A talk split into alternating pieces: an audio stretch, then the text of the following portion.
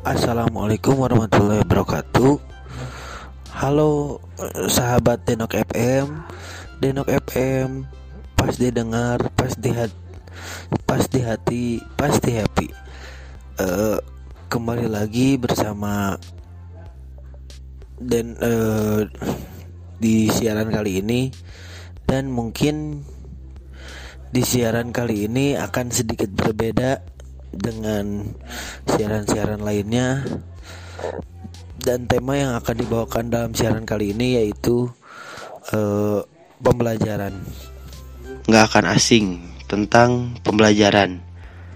Tapi di sini gua akan menjelaskan secara uh, jelas apa sih itu arti pembelajaran itu. Pembelajaran adalah proses interaksi peserta didik dengan pendidik dan sumber belajar pada suatu lingkungan belajar. Pembelajaran merupakan bantuan yang diberikan pendidik agar dapat terjadi prosesnya perolehan ilmu dan pengetahuan, penguasaan kemahiran dan tabiat serta terbentuknya sikap dan kepercayaan pada peserta didik. Dengan kata lain, pembelajaran adalah proses untuk membantu peserta didik agar belajar dengan baik. nah, eh, ada juga nih pembelajaran yang emang dimuka, dikemukakan oleh salah satu ahli dan yaitu Pembelajaran adalah seperangkat peristiwa-peristiwa eksternal yang dirancang untuk mendukung beberapa proses belajar yang bersifat internal. Nah, mungkin kalian di sini sudah paham ya tentang tema pembelajaran dan mungkin secara garis besarnya pembelajaran adalah kegiatan belajar mengajar di dalam kelas. Nah, di sini kan pasti banyak nih uh, dari kalian para pendengar ada tingkat SMP, SMA, eh, dan mahasiswa.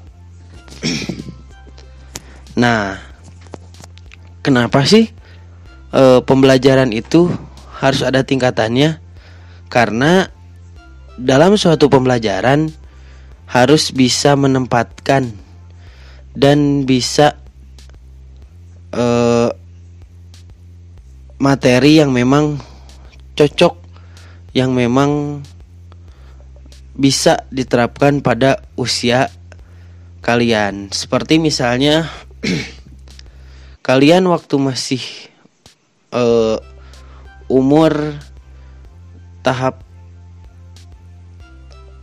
umur dari 6, 6 tahun atau sekitar 7 tahun kalian masuk ke SD.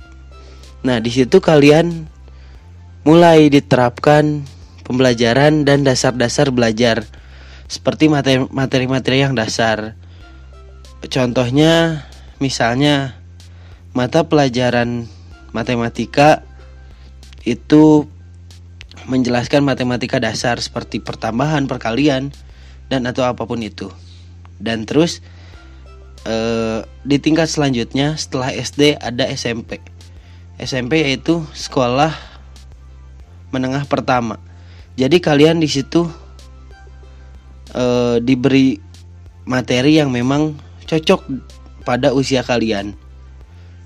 Nah, setelah kalian e, mengikuti jenjang SMP naik ke jenjang SMA kalian akan ditambahkan lagi materi yang memang e, cocok untuk diberikan waktu kalian jenjang SMA nah setelah kalian masuk SMA dan selesai SMA biasanya pendidik atau biasa disebut guru akan mengarahkan kalian untuk bisa meneruskan ke jenjang selang selanjutnya yaitu jenjang mahasiswa.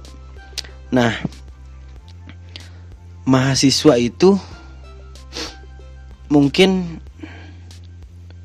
di jenjang mahasiswa materinya akan lebih lebih daripada kalian yang e, daripada kalian di jenjang SMP ataupun SMA dan banyak juga pembelajaran-pembelajaran yang memang e, harus kalian pelajari. Seperti misalnya banyak jurusan-jurusan di uh, kampus yang macam-macam. Seperti saya ini jurusan uh, jurusan teknologi pendidikan dan saya jurusan teknologi pendidikan, fakultas keguruan dan ilmu pendidikan.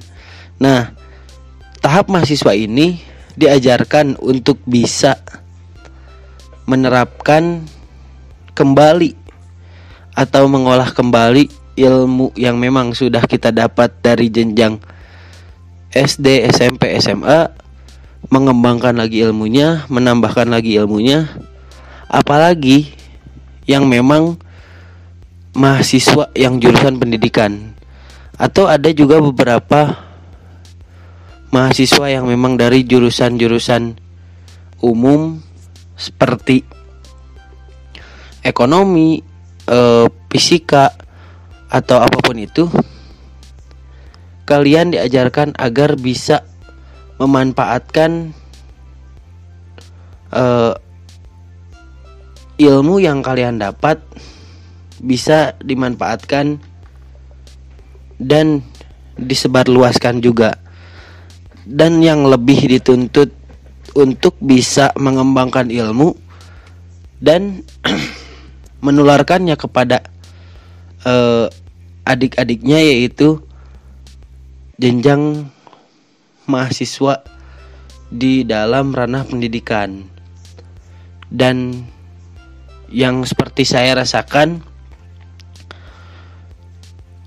saya banyak mendapat pengalaman-pengalaman baru di yang memang saya tidak dapatkan waktu SMA dan juga eh, saya mengambil jurusan teknologi pendidikan bukan untuk menjadi pendidik tapi saya dituntut untuk bisa menjadi tenaga kependidikan yang memang bisa uh, mensupport para pendidik agar bisa lebih lebih memaksimalkan kinerja mereka dalam pendidikan. Nah, beberapa saya uh, sharing ya. Saya sekarang jurusan eh saya jurusan Teknologi Pendidikan juru semester 4 dan saya dituntut untuk bisa mengolah data untuk bisa uh, membantu pendidik agar bisa memaksimalkan kinerja mereka. Seperti saya diajarkan membuat kurikulum, diajarkan membuat RPP ataupun silabus. Nah, semua itu akan bisa membantu pendidik untuk bisa memaksimalkan kinerjanya. Dan juga saya diajarkan juga untuk bisa membuat media pembelajaran atau biasa disebut alat pembantu kegiatan belajar mengajar. Seperti misalnya mempermudah pendidik di eh, tahapan taman kanak-kanak itu seperti membuat eh,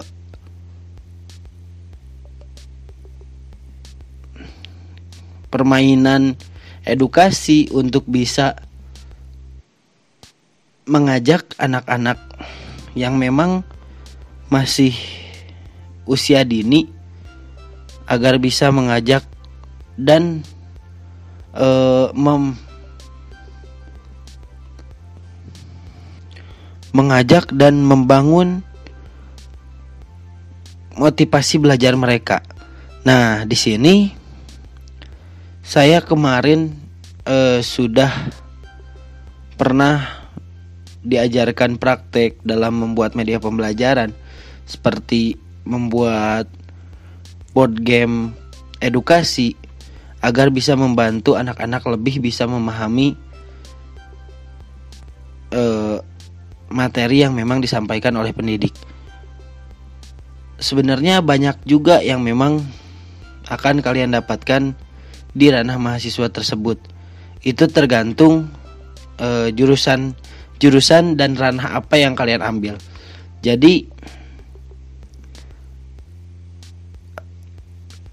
pilihlah jurusan sesuai yang memang bukan kalian bukan yang kalian inginkan, tapi yang memang uh, ada di dalam diri kalian dan mungkin menurut pengalaman saya pribadi itu akan muncul saat kalian nanti setelah masuk ke tahap kelas 12 SMA akhir dan mungkin bisa disebut panggilan hati oh saya harus seperti ini. Oh saya harus seperti ini.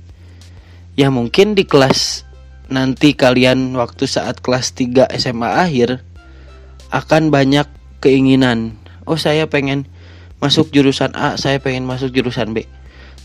Tapi nanti pun akan tereliminasi sendiri dalam masalah mengambil pembelajaran mana jurusan mana yang akan kalian ambil. Dan banyak juga sih ya yang memang ada dalam ranah pembelajaran.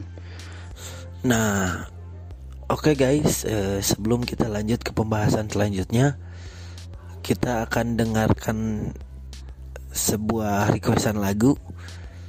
Oke, okay, langsung saja check this out.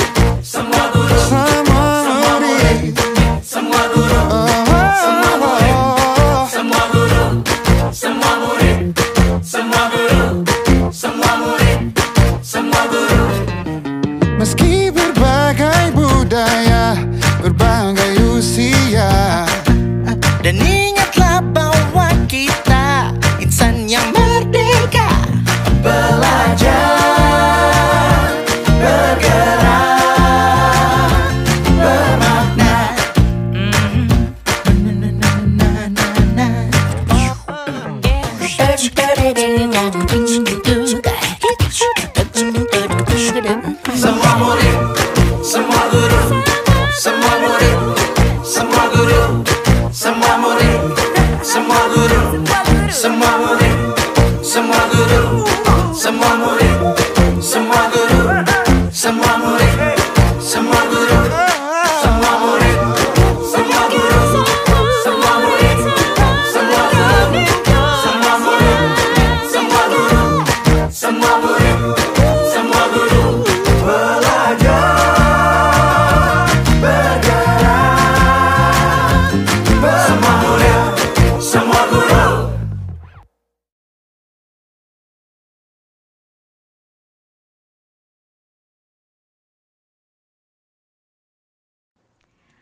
Halo Sobat Denokers, ada yang baru nih dari tim Denok FM.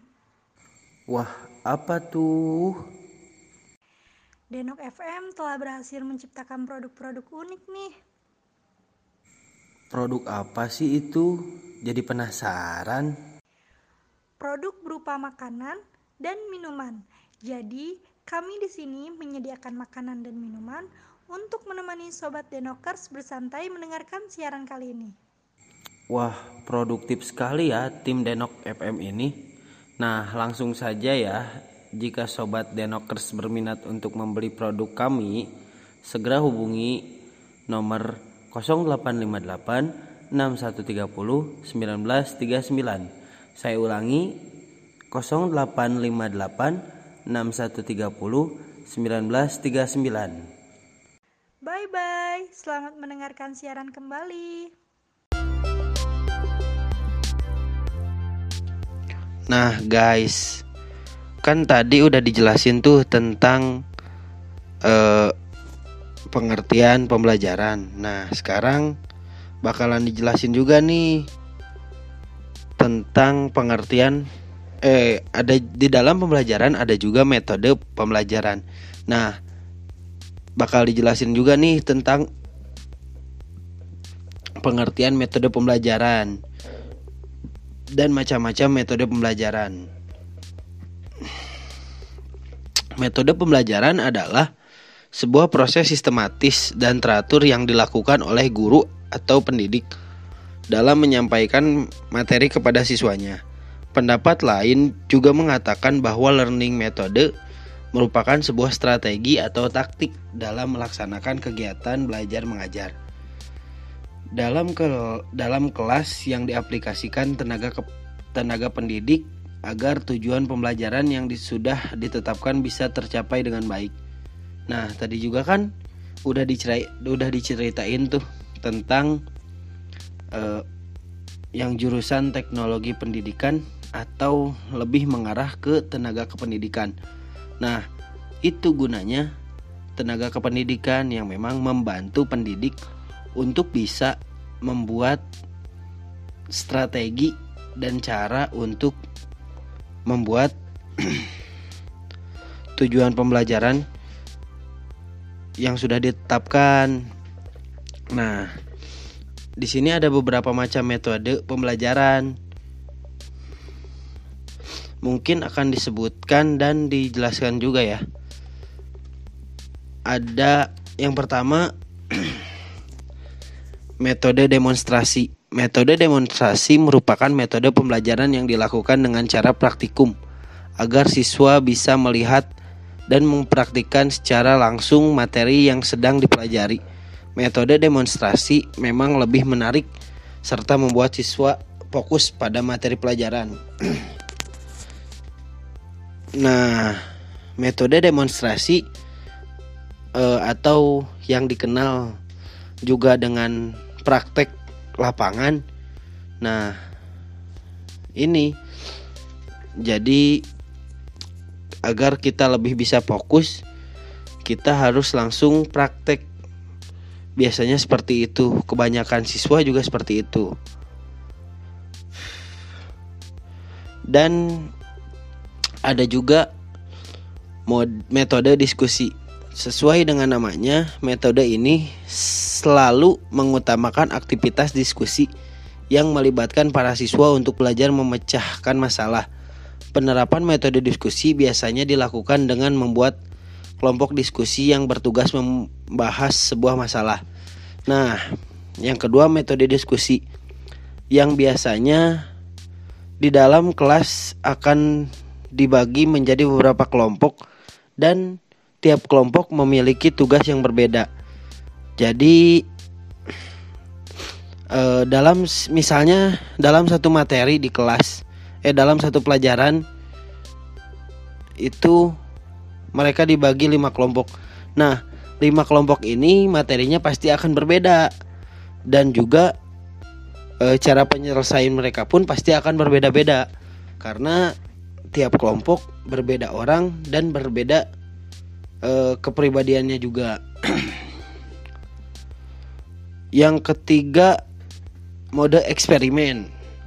Mode eksperimen dilakukan melalui kegiatan percobaan atau praktikum di laboratorium agar siswa bisa melihat secara langsung materi pelajaran yang sedang disampaikan. Biasanya dapat berupa ilmu pengetahuan alam, sains, dan sebagainya. Mungkin eh, mode eksperimen ini biasanya eh, yang kayak barusan disebutkan eh, kebanyakan itu ditemukan di eh, IPA gitu, sains. Jadi seperti seperti praktek eksperimen membuat eh mencampurkan cairan ini itu dan membuat hal yang baru mungkin seperti itu nah di sini juga ada metode yang memang biasanya paling disukai oleh siswa yaitu metode karya wisata. Metode satu ini menggunakan tempat atau lingkungan tertentu yang mempunyai sumber belajar untuk siswa. Namun penelitian eh penerapan metode ini perlu memperoleh pengawasan secara langsung dari guru, misalnya museum atau alam. Nah, biasanya sih kebanyakan para siswa menyukai metode ini karena bis e, mereka bisa sekalian refreshing, bisa sekalian jalan-jalan juga. Tapi tidak lupa juga untuk e, belajarnya. nah, ada yang satu lagi yang akan saya sebutkan metodenya yaitu metode debat. Metode ini mengajak mengajak siswa untuk saling beradu argumentasi secara perorangan atau kelompok. Tetapi debat tersebut dilakukan secara formal dan memiliki aturan tertentu untuk membahas dan mencari penyelesaian masalah. biasanya e, metode debat ini digunakan setelah metode pengelompokan. Jadi bias e, ada yang memang dalam satu kelas itu dibagi tiap kelompok dan berbeda e, materi atau ada juga yang memang disamakan dan guru itu melihat potensi dari muridnya untuk bisa berdebat dan beradu argumentasinya. Nah, di sini juga ada nih fungsi metode pembelajaran. Fungsi metode pembelajaran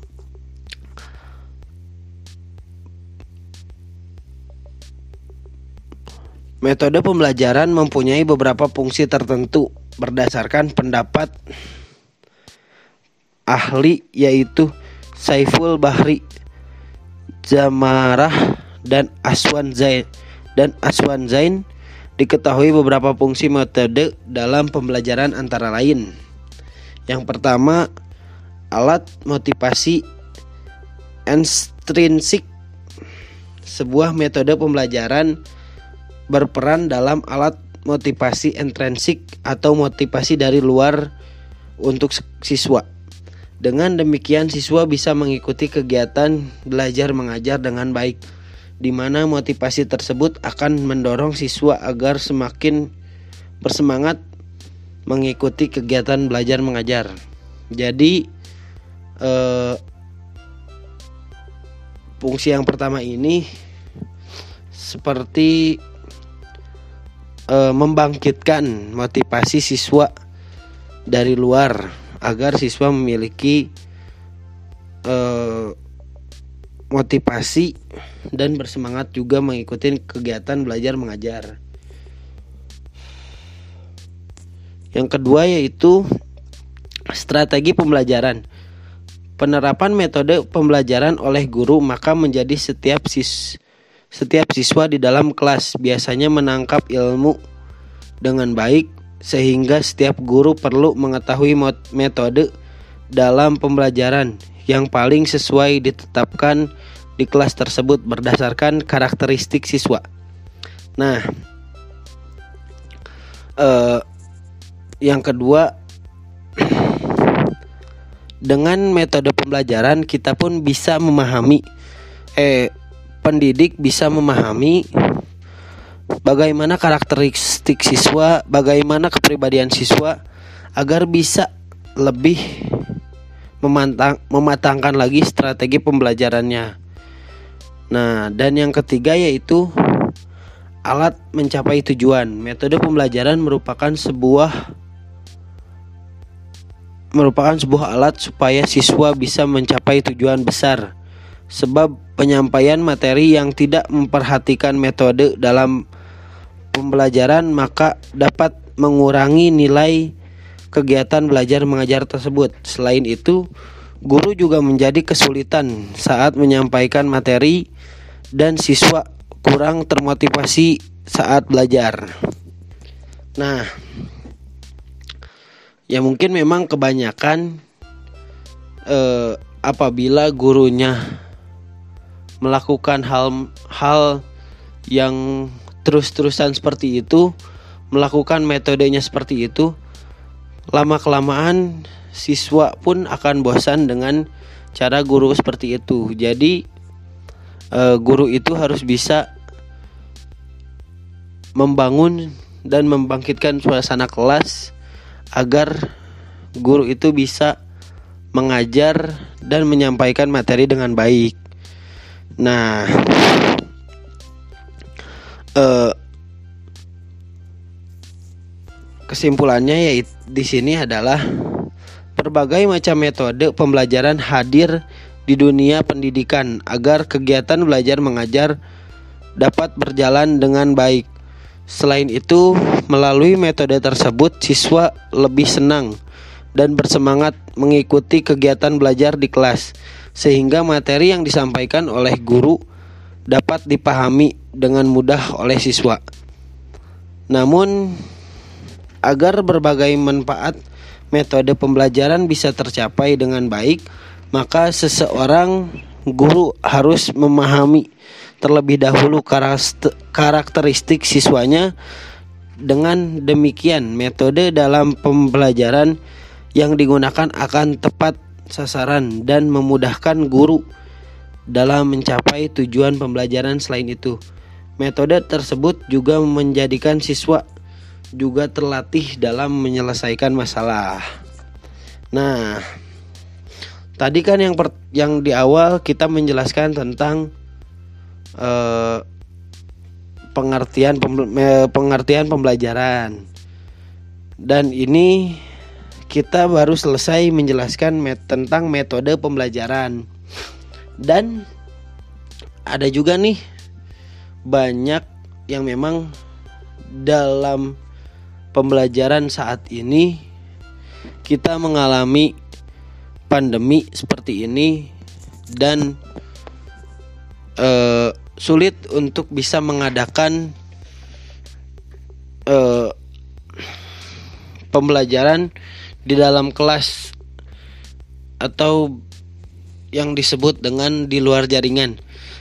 Jadi memang gara-gara kondisi pandemi seperti ini kita sulit untuk bisa melakukan KBM dengan tatap muka.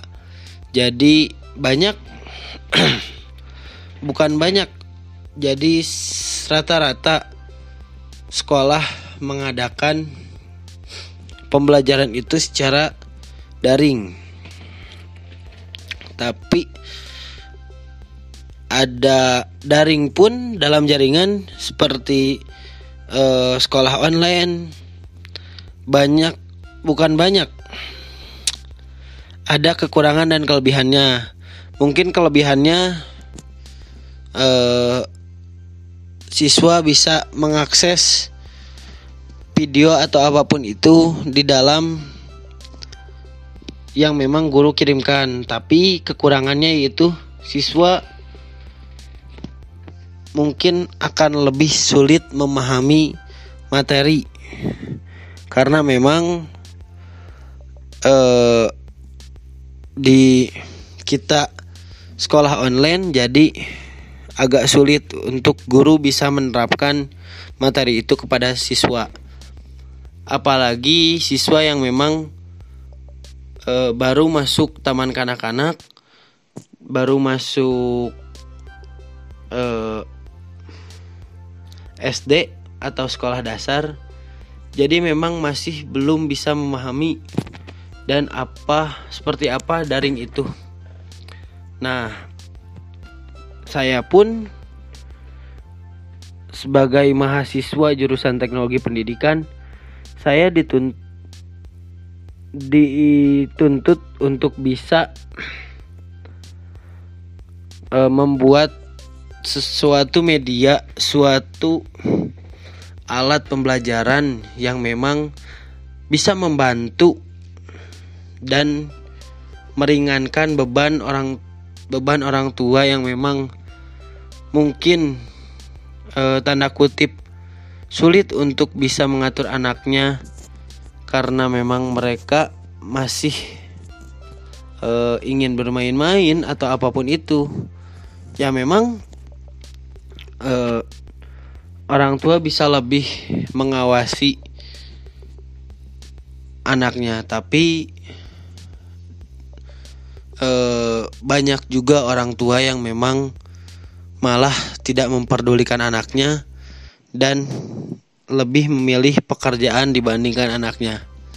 Jadi eh, pesan saya untuk para orang tua yang memang mendengarkan siaran ini terus teruslah eh, perhatikan anak anak-anak kalian agar kalian bisa melihat perkembangan anak-anak kalian dan pembelajaran anak-anak kalian seperti apa. Karena ditakutkan nanti apabila kalian memang tidak bisa memperhatikan anak kalian, eh, tidak bisa membimbing anak kalian, akan disayangkan juga akan ada penyesalan untuk mungkin diri pribadi atau apa pun itu eh, saya pun kurang memahami tapi saran saya sebagai calon tenaga kependidikan agar orang tua bisa lebih memperhatikan anaknya dan mengawasi anaknya oke karena eh, ada requestan lagu lagi. Mari kita dengarkan lagu dari requestan teman kita. Oke, langsung saja putarkan.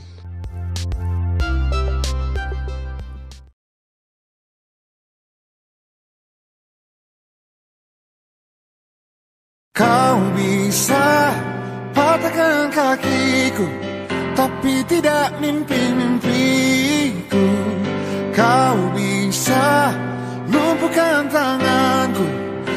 Tapi tidak mimpi-mimpiku. Kau bisa merebut senyumku Tapi sungguh tak akan lama. Kau bisa merobek hatiku Tapi aku tahu obatnya. Manusia-manusia kuat Itu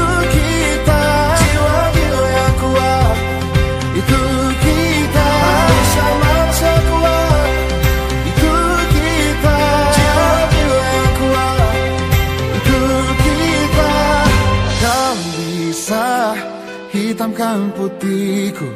Kau takkan gelapkan apa pun. Kau bisa runtuhkan jalanku. Kan ku temukan jalan yang lain. Manusia-manusia kuat. Itu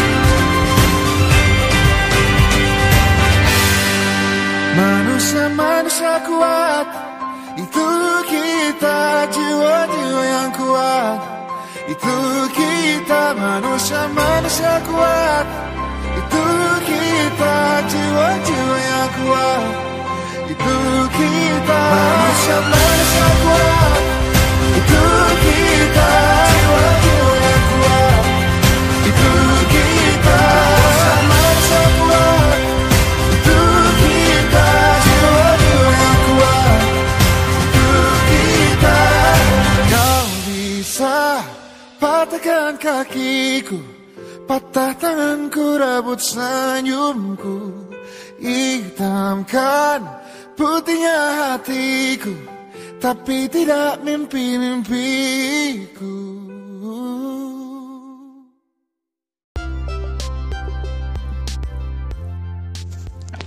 Oke guys, eh, tadi di awal kan udah dijelasin tentang pengertian pembelajaran dan tadi juga udah jelasin tentang metode pembelajaran. Nah sekarang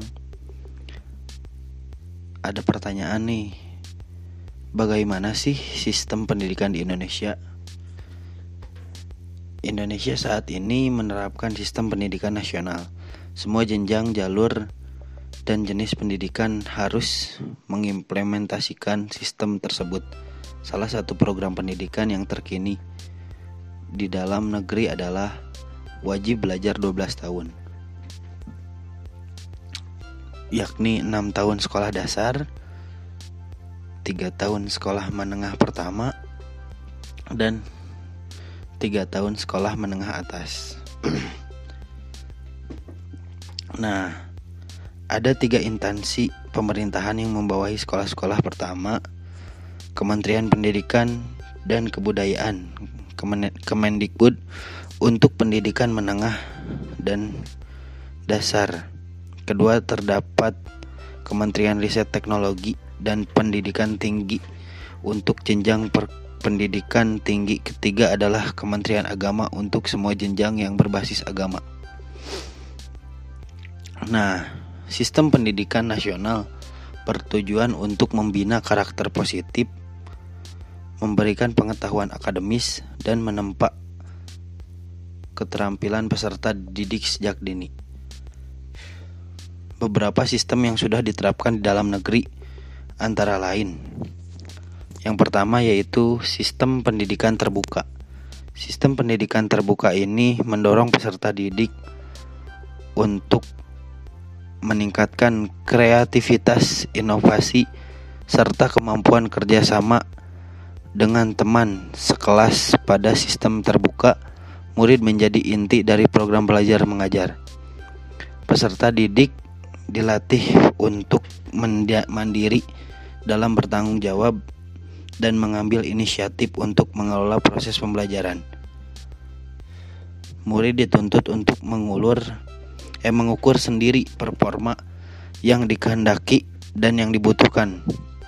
Kemudian peserta didik bisa memilih materi, tempat, waktu, dan cara belajar secara aktif dan mandiri. Yang kedua yaitu sistem pendidik sistem edukasi beragam. Negeri ini memiliki keanekaragaman bahasa dan budaya. Oleh karena itu, dibuat sistem pendidikan yang dapat menyesuaikan dengan kekayaan bangsa. Adapun jenis jenjang yang dapat dipilih yakni formal, non formal, non formal, dan informal. Yang ketiga yaitu sistem pendidikan dengan orientasi nilai. Sistem pendidikan yang satu ini diberlakukan sejak tingkat dasar para murid diberikan pendidikan karakter serta disiplin, tanggung jawab, tenggang rasa, dan jujur. Pelajaran terkait nilai-nilai karakter dapat ditemukan dalam pelajaran PKN. Bahkan pada jenjang pendidikan eh, pendidikan tinggi dan menengah. Sistem edukasi efisien dalam mengatur waktu yang keempat adalah sistem edukasi efisien dalam pengaturan waktu. Dalam kegiatan belajar mengajar, pengelolaan waktu sudah diperhatikan dengan cermat sehingga murid tak terasa eh, tak merasa terbebani dengan materi pelajaran yang disampaikan. Selain itu, penyerapan materi lebih efektif dan efisien karena waktu yang diberikan tak terlalu singkat ataupun terlalu lama. Pers peserta didik pun akan lebih bersemangat dalam menuntut ilmu. Yang kelima yaitu sistem pendidikan sesuai perubahan zaman. Indonesia selalu dina, sel, selalu dinamis alias berubah dari masa ke masa. Butuh kurikulum yang tepat untuk menyesuaikan setiap situasi dan kondisi. Salah satu kurikulum yang merupakan hasil dari perubahan zaman adalah kurikulum 2013. Kurikulum ini menyempurnakan kurikulum ini menyempurnakan dan merevisi kurikulum tingkat satuan pendidikan KTSP 2006 selain menyeimbangkan pendidikan dengan zaman perubahan kurikulum juga bertujuan untuk mengevaluasi tenaga pengajar yang memperbaiki sarana prasarana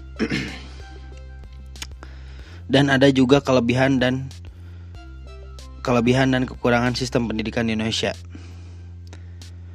yang pertama kelebihan sistem di Indonesia yaitu sistem transparan. Dalam pendidikan Indonesia sekarang sistem dijalankan secara transparan. Berkat hal itu wali murid dapat mengawasi proses pembelajaran dengan mudah dan jelas. Wali peserta didik pun bisa ikut serta mengambil meng, serta mengembangkan kecerdasan dan keterampilan para murid sendiri berdasarkan proses pembelajaran. Proses pembelajaran di sekolah. Yang kedua yaitu kurikulum disusun oleh orang-orang ahli dan berpengalaman. Dahulu kurikulum hanya disusun oleh para ahli, namun sejak adanya kurikulum 2013, guru sebagai praktisi juga bisa terlibat dalam menyusun kurikulum. Terlebih, guru adalah orang yang langsung terjun ke lapangan sehingga diharapkan dapat mengetahui materi-materi yang dibutuhkan dan mengamati bakat para peserta didik. Yang keempat yaitu pertimbangan menerima siswa terlebih siswa lebih mudah. Pemerintah di masa ini sedang mengal mengalak mengalahkan pengurangan kesenjangan antar daerah. Tidak ada lagi istilah daerah terpencil, pemerintah pusat maupun daerah akan memfasilitasi tiap sekolah. Belum lagi adanya sistem zonasi baru-baru ini membuat semua sekolah negeri mempunyai kewajiban dan hak yang sama. Tak ada lagi yang dijuluki sekolah favorit. Dahulu peserta didik beramai-ramai mendaftar ke sekolah-sekolah yang dianggap unggul di tengah masyarakat, namun dengan sistem zonasi yang baru beberapa tahun terakhir ditentukan eh diterapkan penerimaan murid hanya mempertimbangkan daerah dan umur. Peserta didik pun tidak diberi syarat minimal lulusan taman kanak-kanak. Dengan sistem pendidikan ini pula seluruh peserta didik yang mendaftar bisa menuntut ilmu dekat dengan domisili mereka. yang kedua setelah kelebihan ada kekurangan sistem pendidikan di Indonesia. Yang pertama, penyebaran sarana pendidikan yang tidak merata. Masih banyak area terpencil yang belum terjamah oleh sarana sarana pendidik. Para murid dan guru Para murid dan guru kekurangan peralatan sekolah dan tempat yang memadai. Selain itu, perpustakaan juga masih belum menyebar ke banyak daerah. Yang kedua yaitu tenaga pendidik yang belum merata. Bukan jumlah guru yang menjadi masalah, tetapi penyebarannya. Kebanyakan tenaga pengajar bekerja di daerah perkotaan, sementara itu daerah-daerah yang masih tertinggal kekurangan jumlah guru yang berkualitas. Yang ketiga yaitu kurikulum masih bersifat teori teoret teoretis sejak awal kurikulum Indonesia masih mengandalkan teori teori-teori saja. Ketika pelajaran menyelesaikan pendidikan, tidak ada banyak yang hanya bisa mereka lakukan. Masih banyak sekolah yang jarang mengandalkan praktikum atau membekali peserta didik dengan soft skill dan hard skill. Nah, ngomongin kekurangannya, eh, mungkin program eh, Kemendikbud yang sekarang sedang dijalankan yang memang tentang tenaga pendidik belum yang belum rata. nah, Kemendikbud menjalankan suatu program yang memang bisa membantu mahasiswa menambah pengalaman mahasiswa dan juga mem membuat daerah-daerah yang terpencil itu bisa e, mendapatkan guru yang memang guru yang memang berkualitas. Artian berkualitas di sini yaitu e, program yang memang sedang dijalankan Kemendikbud itu yaitu kampus mengajar. Nah, kampus mengajar ini e, bisa sangat membantu akan daerah-daerah terpencil yang memang kekurangan guru dan disalurkan dari program kampus mengajar ini. Dan mudah-mudahan saja ke depannya akan lebih bisa membantu lagi di daerah-daerah terpencil. Dan juga e, bisa menutupi kekurangan dalam sistem pendidikan di Indonesia. Jadi eh, mahasiswa bisa turun langsung ke lapangan dan mengetahui bagaimana cara menangani eh, daerah-daerah terpencil tersebut. Dan mahasiswa pun bisa mengabdikan diri untuk eh, negara tercinta mereka dan juga bisa menambah wawasan, menambah pengalaman juga untuk ke depannya saat nanti setelah mereka lulus dari uh, perguruan tinggi harus bagaimana? Dan pengalaman-pengalaman tersebut memang sangat akan membantu apalagi untuk mahasiswa-mahasiswa di ranah pendidikan agar mahasiswa-mahasiswa tidak kaget saat turun langsung nan eh, saat nanti setelah lulus turun langsung ke lapangan. Jadi mereka bisa mengetahui medan yang akan mereka tempuh, mengetahui eh, cara yang paling efektif untuk bisa menangani hal tersebut dan mungkin apabila mereka nantinya setelah lulus nanti mereka mempunyai masalah atau ada beberapa halangan, mereka sudah bisa mengambil tindakan dan mencegah masalah-masalah tersebut. Dan juga uh, saya sangat bersyukur uh, pemerintah bisa mengadakan program-program yang memang bisa membantu kepada daerah-daerah yang masih uh, terpencil dan masih kekurangan pendidik ataupun tenaga kependidikannya. Nah, mungkin uh, itu saja. Dan sebelum kita lanjut ke pembahasan selanjutnya mari kita dengarkan lagu ini. Oke langsung saja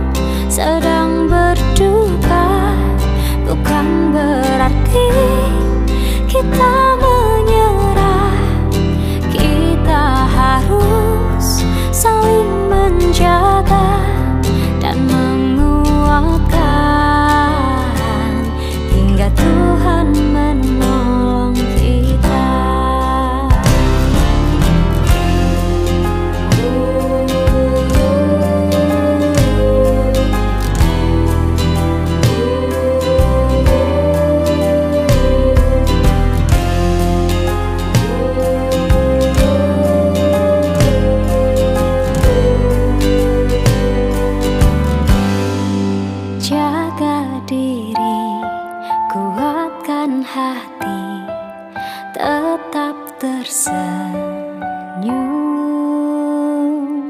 Aku berdoa, terus berdoa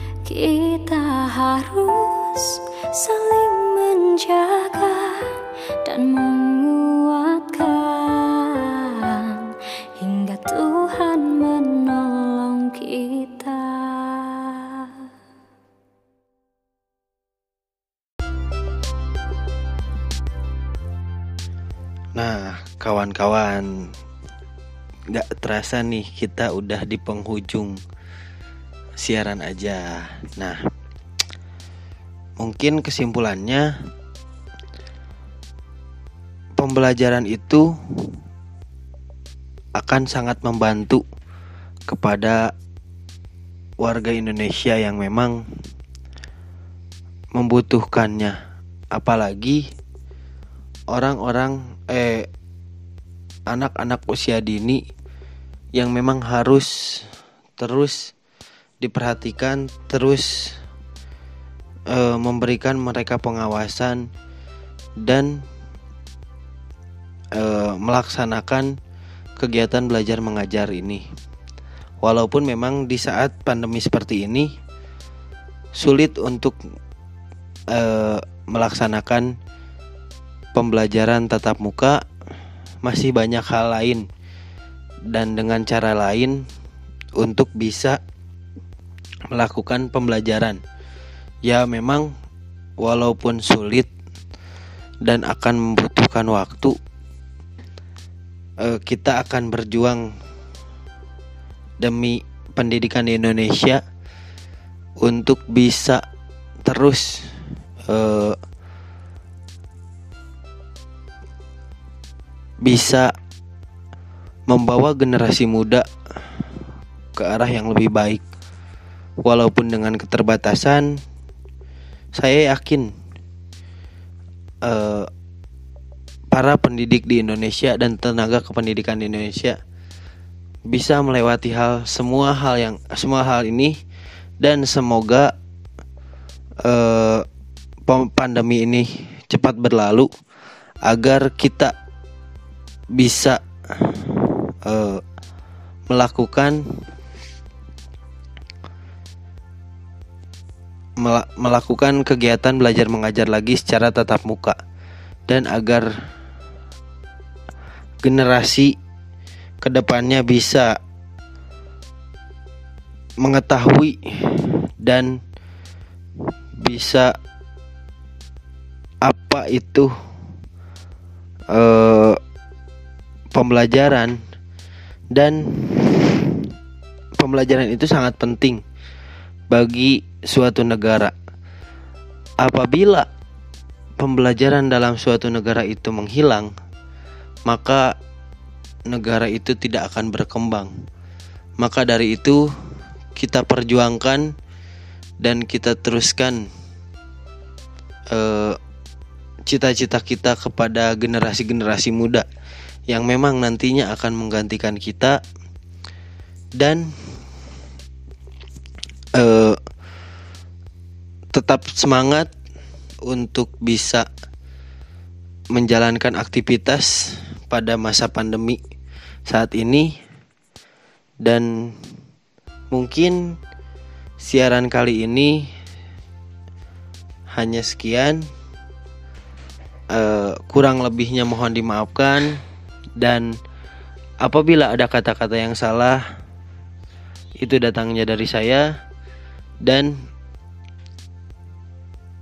sekian terima kasih. Wassalamualaikum warahmatullahi wabarakatuh.